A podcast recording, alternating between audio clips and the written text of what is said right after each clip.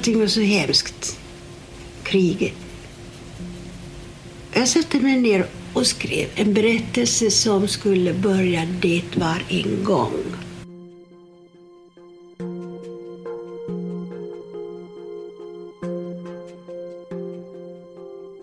Tove Jansson kallar krigsåren 1939 till 44 för de förlorade åren. Hon är ofta deprimerad och säger att hon har tappat färgerna. Ändå är det en period med avgörande betydelse för henne. Det är nu som hon skapar det Mumintroll som kommer att ta en hel värld med storm.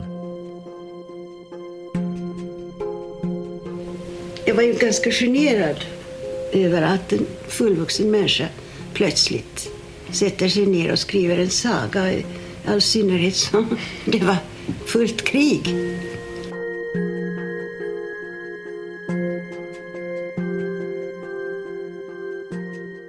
Penseln, pennan och hjärtat. Avsnitt 3. Mumin och kriget.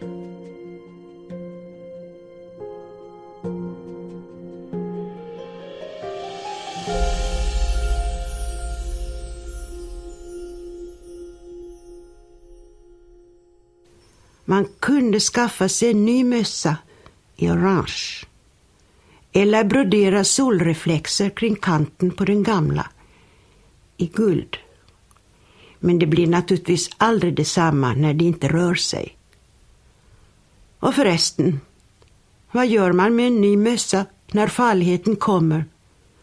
Man kan lika gärna förgås i den gamla.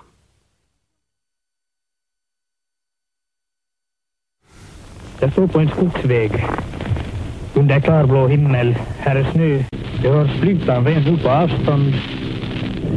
Det är ryska plan, det är jagarplan som kommer.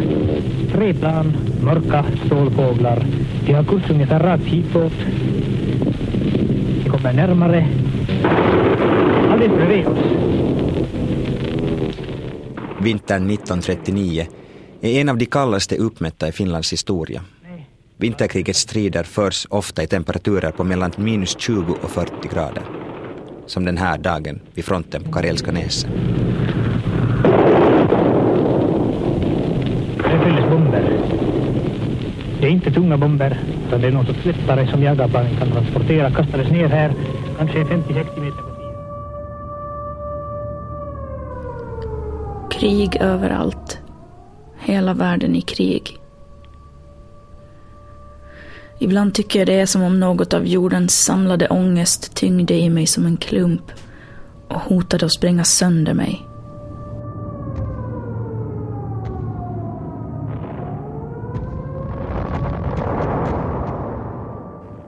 Krigsåren är en av de tyngsta perioderna i Toves liv, berättar hennes förläggare Helene Svensson.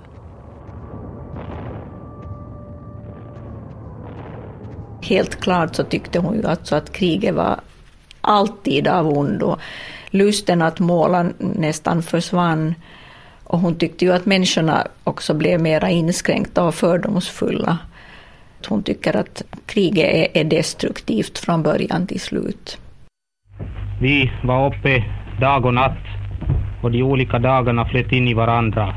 Alla kännetecknades de av ryssarnas fruktansvärda artillerield. Den höll på praktiskt taget utan avbrott. När finska rundradion besöker ett regemente vid östgränsen beskriver man ändlösa eldstrider.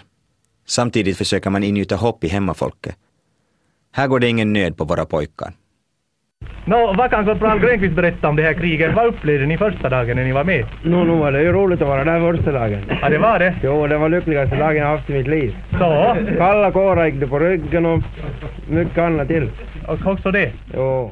Men radioinslag om de lyckligaste dagarna i soldaters liv biter inte på Tove. Vem hon än talar med gör sig krigets fasor påminda, säger hennes brorsdotter Sofia Jansson.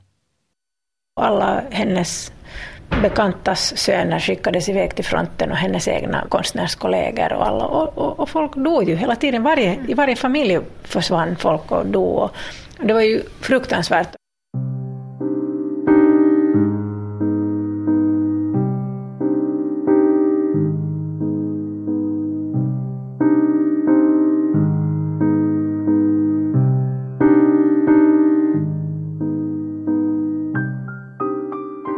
Tidvis klarar Tove inte ens av att måla.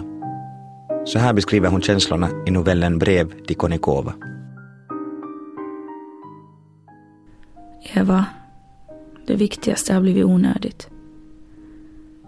De har gjort det till en annan värld. Nej, vi har låtit det bli en annan värld där man inte har sin plats längre. Visst har det alltid varit svårt att måla, men nu har du inte ens idé. Och det är för krigets skull.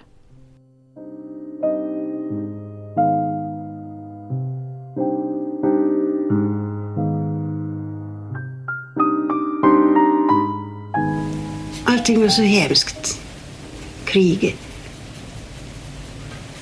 När färgerna slocknade för mig så fick jag en lust att göra något helt annorlunda som inte hade med yrke att göra.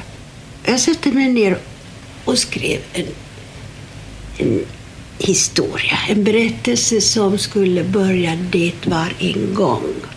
Och, och sen använde jag mig av det här Mumintrollet, alltså den här lilla signaturfiguren som huvudperson. Det blir den första Muminberättelsen. Småtrollen och den stora översvämningen som ges ut strax efter krigsslutet år 1945. Det måste ha varit fram på eftermiddagen någon gång i slutet av augusti som Mumintrollet och hans mamma kom in i storskogens djupaste del. Det var alldeles tyst och så skumt mellan träna som om skymningen redan fallit på. Här och där växte jätteblommor som lyste med ett eget ljus likt flämtande lampor och längst in bland skuggorna rörde sig små kallgröna punkter. Lysmaskar, sa Mumintrollets mamma. Men de hade inte tid att stanna för att titta närmare på dem. De var nämligen ute och letade efter en trevlig och varm plats där man kunde bygga ett hus att krypa in i innan vintern kom.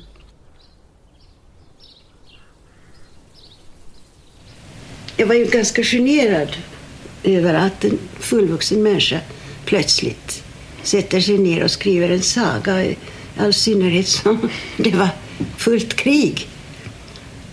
Som någon slags ursäkt så skrev jag inte om små söta barn eller prinsar och prinsessor utan jag valde just denna gräsligt fula lilla figur som ett slags försvar.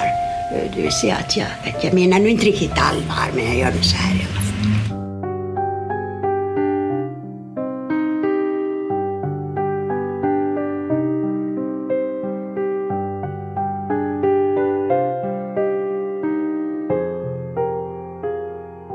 Ett splittrat hem.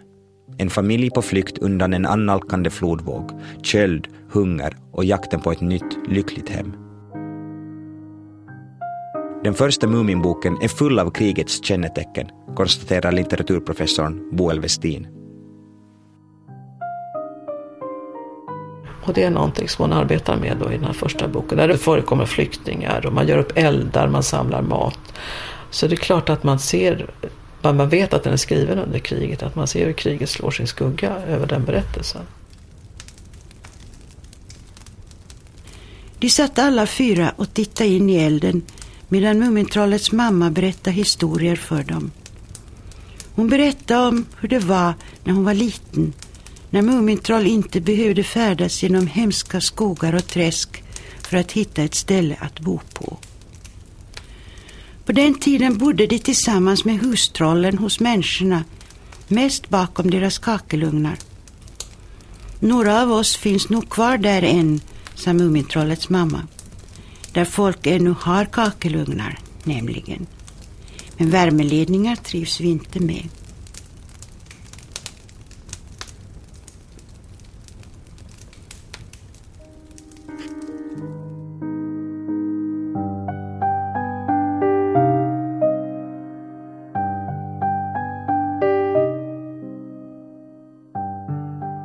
I en tid när världen igen knakar i sina fogar, när människor flyr sina hem och oron för immigration och segregering ökar, är det budskap som Tove Jansson författade i andra världskrigets skugga mer aktuellt än någonsin. Det säger Natania Jantz, vars brittiska förlag Sort of Books har gett ut Toves böcker på engelska. There are some books which are sort of almost a necessary read at certain cultural historical moments. And I think Tove is a necessary read now, where in this situation with a, a great deal of anxiety about um, immigration. Muminvärlden välkomnar figurer av de mest varierande sorter. Alla har en plats i Mumindalen, även om de luktar illa som Stinky eller är argsinta som Lilla My, säger Jens. And here you have these books, certainly with the Moomins, which are all about inclusivity. People come to Moomin Valley and they have a place with this, uh, with the family of the Moomins. They have a place, and they have a place even if they're angry like Little Mai, or they're a bit smelly like Stinky. And that's the first thing as a kid that you recognize. You think, yes, that's my loud uncle, and that's my neurotic auntie, and that's that kid who won't play with me, and all those things. And but she always finds a reason for them to be that way. Som barn kan man känna igen människor i sin närhet i Muminvärldens excentriska karaktärer, säger manuskribenten och barnboksförfattaren Frank Cottrell Boyce. That idea that the family is brave and able to absorb all these strange things, that there's something very powerful about her view of hospitality as you know, now Europe is in this crisis about immigration and so on, and that we have code words like political correctness. Uh, but she, she had hospitality, and it's that thing about yes, the door is open and we will cope, but it will be fine. You know, um, that's a really powerful message, I think. Man kan kalla det gästvänlighet. En idé om att familjen är tillräckligt stark för att ta in utomstående i gemenskapen. Och det är ett starkt budskap att komma ihåg när Europa igen försöker hantera flyktingkriser.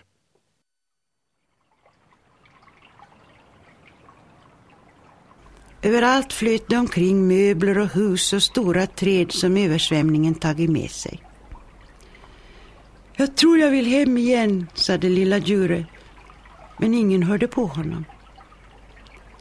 De andra hade fått syn på något underligt som kom dansande och snurrande i vattnet. Det är skeppsbrutna, skrek Mumintrollen som hade skarpa ögon. En hel familj. Mamma, vi måste rädda dem. Det var en stoppad länsstol som kom gungande mot dem. Ibland fastnade den i trädtopparna som stack upp över vattnet men slets loss av strömmen och drev vidare. Inne i stolen satt en våt katt med fem lika våta små ungar omkring sig.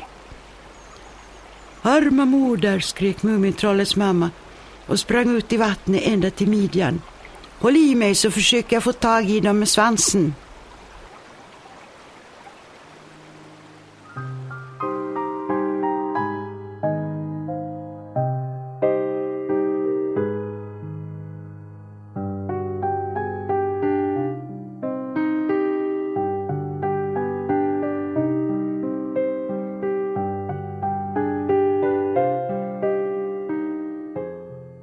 Utanför Mumindalen är världen mörk, trots att det blir fred.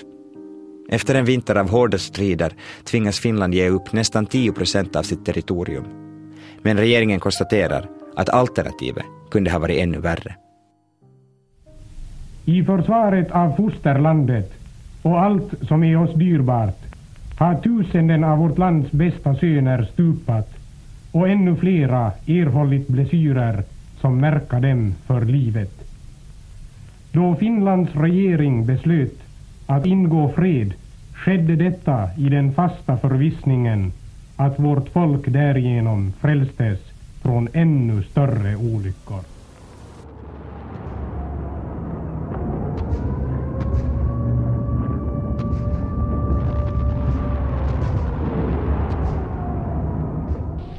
Och här har då plötsligt, utan den minsta varning, flera sovjetryska bomber slagit ner. En bomb har träffat där borta vid hustaket tätt in eh, till en skorsten och trängt ned i våningarna där den ställt till en hemsk oreda. Möbler och väggar har krossats. Linne och andra klädespersedlar ligger utströdda överallt. Så här skriver Tove till sin väninna Eva Konikoff i juni 1941 när fortsättningskriget bryter ut. Så kom nyheterna i radion nere hos Kalle. Pappa kom bara in och sa, nu är det klart. Inget mer var ordnat. Vi gick bara och packade in det nödvändigaste, var på sitt håll. Han var alldeles lugn, gick omkring och gnolade och talade om alldagliga ting. Men hon var vit under ögonen. Eva Konikoff, som Tove skriver till, har emigrerat till USA bara några veckor tidigare, just innan gränsen har stängts. Eva förkroppsligar på många sätt den prekära situation Finland befinner sig i försommaren 1941.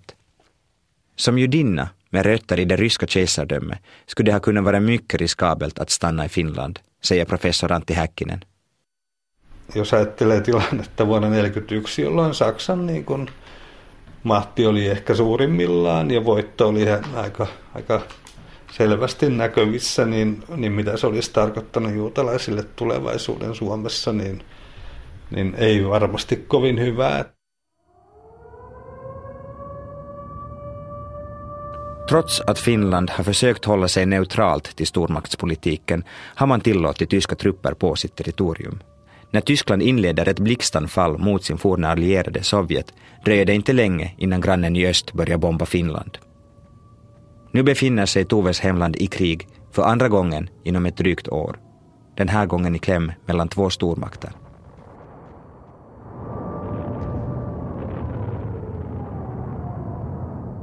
Fortsättningskriget tar ifrån Tove hennes bästa vän. Efter avskedet på tågstationen ska Tove och Eva aldrig träffas mer. Men vänskapen hålls vid liv, tack vare tät brevväxling mellan kontinenterna.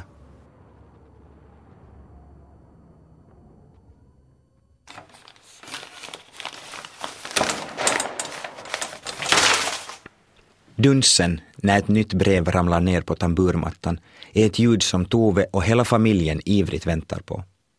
Lika hett efterlängtade som breven av Eva är, är breven av Toves bror, Per-Olof, som är inkallad i armén, berättar Boel Westin.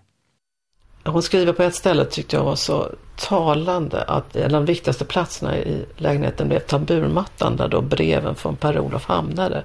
Att så länge de här breven kom så visste de ju Eh, att då hade han liksom skrivit det här brevet, han var i liv och att han, eh, att han, ja, att de hade den här kommunikationen. Och så var den här väntan på de här breven som skulle komma, att man gick och tittade på den här tamburmattan, att den blev så viktig. Och det tycker jag är så talande och det är liksom ganska fasansfullt egentligen också. En lång tid var vi oroliga då intet hördes från honom. Så fick vi ett brev som underrättade oss om att han hade skickats norr om Ladoga och höll på att tränga fram mot första linjen genom härjade byar, överfyllda av döda.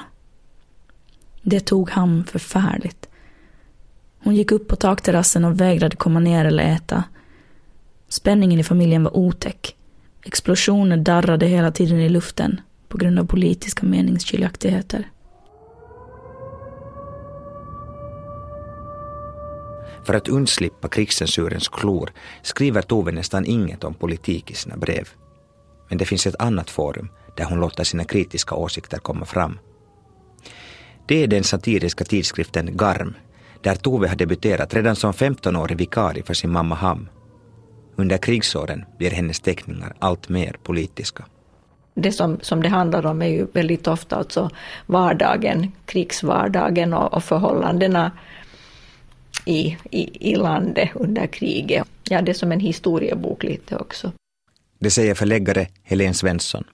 She did some brilliant uh, and scathing caricatures of world leaders and, of course, Hitler in particular. Um, and she, there, I think, really expressed a, a new side of her work. Enligt serietidningshistorikern Paul Gravett blir Garm en arena där Tove kan visa en helt ny sida, där hennes politiska åsikter får plats. I en dagboksanteckning skriver hon att det hon gillar mest med Garm är att få vara svinaktig mot Hitler och Stalin. Ja senhän me nähdään näistä Garmin kuvista, että niissä tämä diktaattorin niin kuin koko se gloria, koko se semmoinen suuruus, joka saa ihmiset pelkäämään niitä, niin se on pois. I Toves Garmbilder är diktatorerna avklädda sin gloria. De är ynkliga figurer som läsarna kan skratta åt, säger Tuula Karjalainen. Rolf Kråkström är VD för Moomin Characters som förvaltar Toves konstnärliga rättigheter. Han påpekar att den formen av kritik som Tove driver i Garm kräver enormt mycket mod. En liten kvinna från en finlandssvensk minoritet i ett land i kläm mellan stormakterna som helt hänsynslöst driver med Stalin, Hitler, Mussolini. Die Winterkrieg hätten wir das hatten wir den Eindruck, dass gut gerüstet waren. Aber so wie sie in Wirklichkeit. Och visst är Tove exceptionellt modig. Det här är en tid då till och med Finlands fältmarskalk Carl Gustav Mannerheim nådigt måste ta emot Hitler då den tyska fyraren oinbjuden vill gratulera Mannerheim på hans 75-årsdag. På finska rundradions smyginbandning de Sovjets vapenarsenal i hemliga överläggningar. Det här är en av de få existerande inspelningar där Hitler pratar inofficiellt. 35.000 kann. Gesagt, Sie sind wahnsinnig geworden. 35 000 Panzer. Om kriget hade slutat annorlunda hade Tove kunnat råka verkligt illa ut på grund av sina teckningar. Det är få diktatorer som kan tåla satir.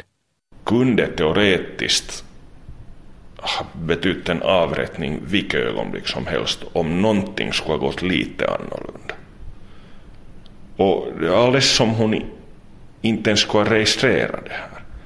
För de var de, de grövsta, mest intelligenta och, och liksom drivna angreppen mot de här herrarna. Niiden merkitys on ollut varmasti sodan aikana Suomessa aivan valtava. Bilderna har en otrolig inverkan på sin samtid, säger Tuula Karjalainen. Ja niin kuin sai ainakin hetkeksi purettua sitä pelkoaan, kun ne näki Stalinin jossain aivan typerässä roolissa tai Hitlerin.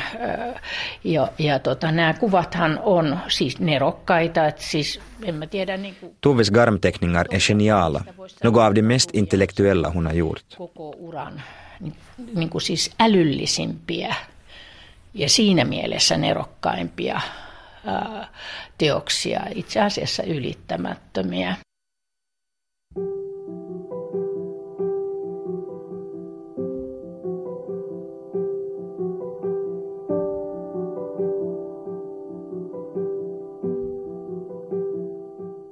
Kriget är inte bara satirteckningar och Muminberättelser för Tove. Trots att hon tidvis har svårt att arbeta fortsätter hon också att måla. Och hennes konst säljer bra. Skräcken för inflation är stor och många vill binda sina tillgångar i fast egendom, säger konstvetaren Erik Kruskoff.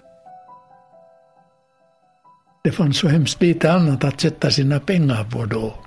Det var varubrist överhuvudtaget. Så, så då, då, då gick bildkonst åt. Och Tove sålde ungefär det mesta, mesta hon hade. Under kriget målade Tove mycket stilleben och landskap. Men också några mer personliga verk. Det finns ju den här tavlan som heter Familjen. Eh, där hon målat familjen. Eh, allihopa, farfan Ham och bröderna som sitter och spelar schack och så står hon själv mitt i bilden. I förgrunden syns Toves bröder Lars och Per-Olof som spelar schack. En klassisk symbol för att man leker med döden. Jag tycker också att det är en väldigt tydlig bild av, på något sätt, av Finland. Jag tycker att det är en bild av Finland och att Per-Olof brodern sitter i sin uniform. Det är liksom nästan som en gloria runt honom.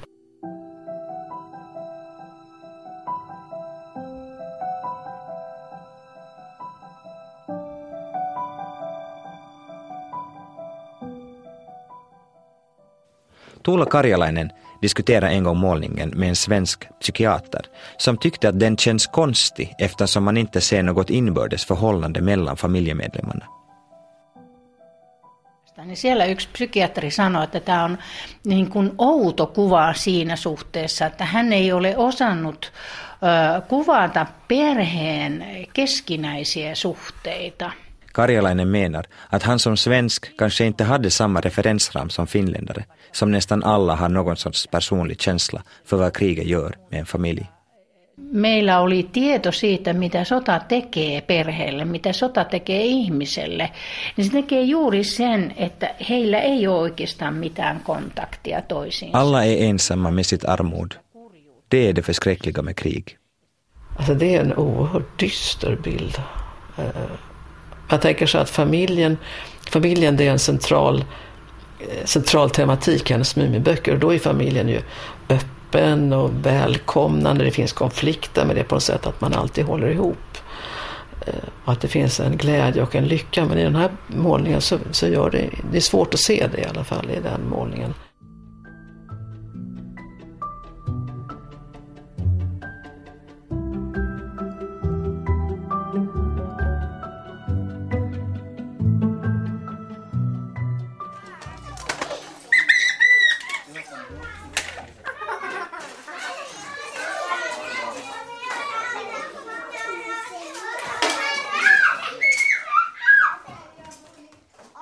Dagens Finland kan föräldrar lämna barnen på dagis.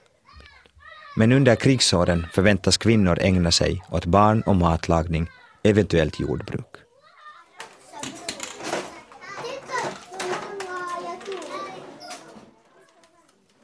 Men Tove vill inte ha barn, utan göra konst. Det är ett kontroversiellt beslut i det krigstida Finland. Nainen taiteilijana ei ollut silloin minkään, juuri minkään arvoinen.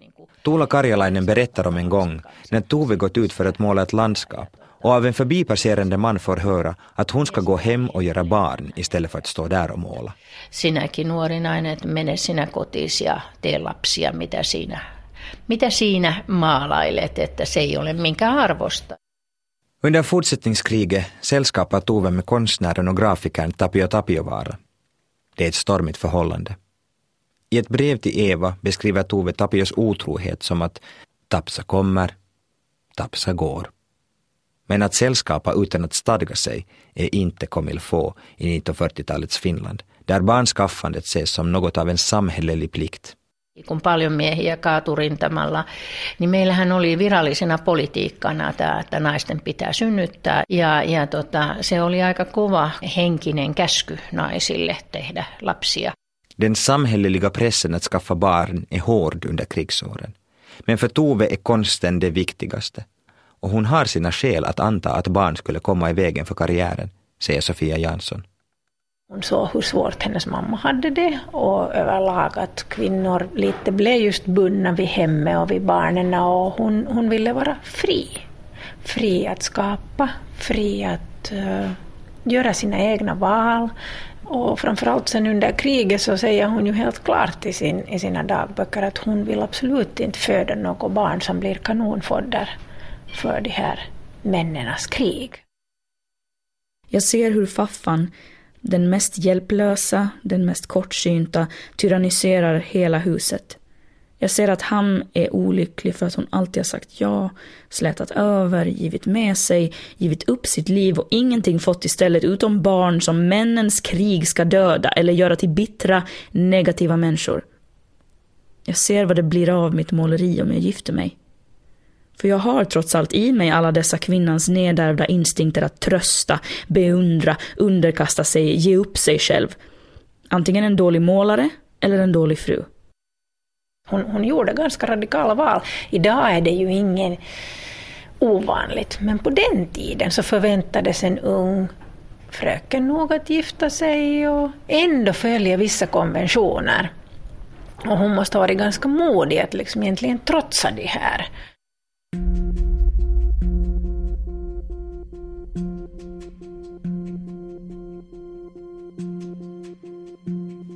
Faffan om någon förstår och understöder att Tove vill satsa på konsten. Men det finns allt för mycket annat som far och dotter inte kommer överens om. Sommaren 1942 kommer den eruption som byggts upp under flera år.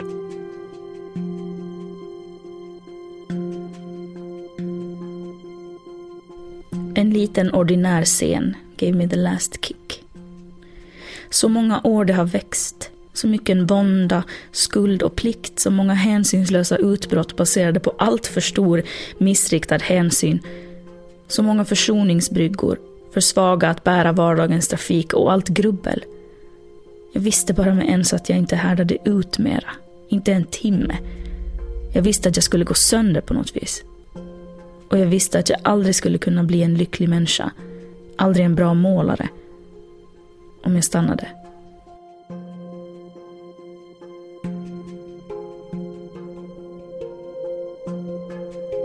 Så sker alltså det definitiva fadersupproret och Tove flyttar hemifrån.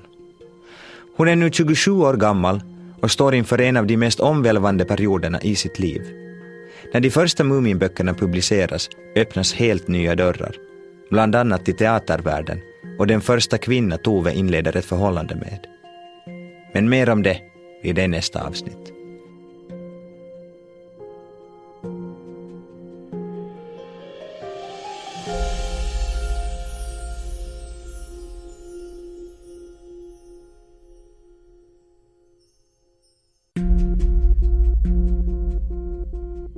Du har lyssnat på det tredje avsnittet i serien Penseln, pennan och hjärtat, en dokumentärserie om Tove Jansson.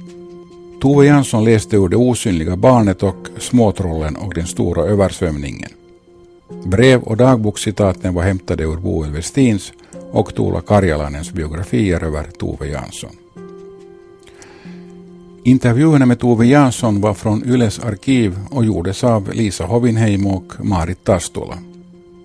Alla övriga intervjuer var gjorda av Nanette-Marie Forsström och Kira Schröder, som också stod för research, produktion, klipp och regi. Berättare var Oskar Pöysti. Med uppläsning medverkade Jonas Forsbacka och Ida Kronholm. Serien är producerad av Outhouse Media.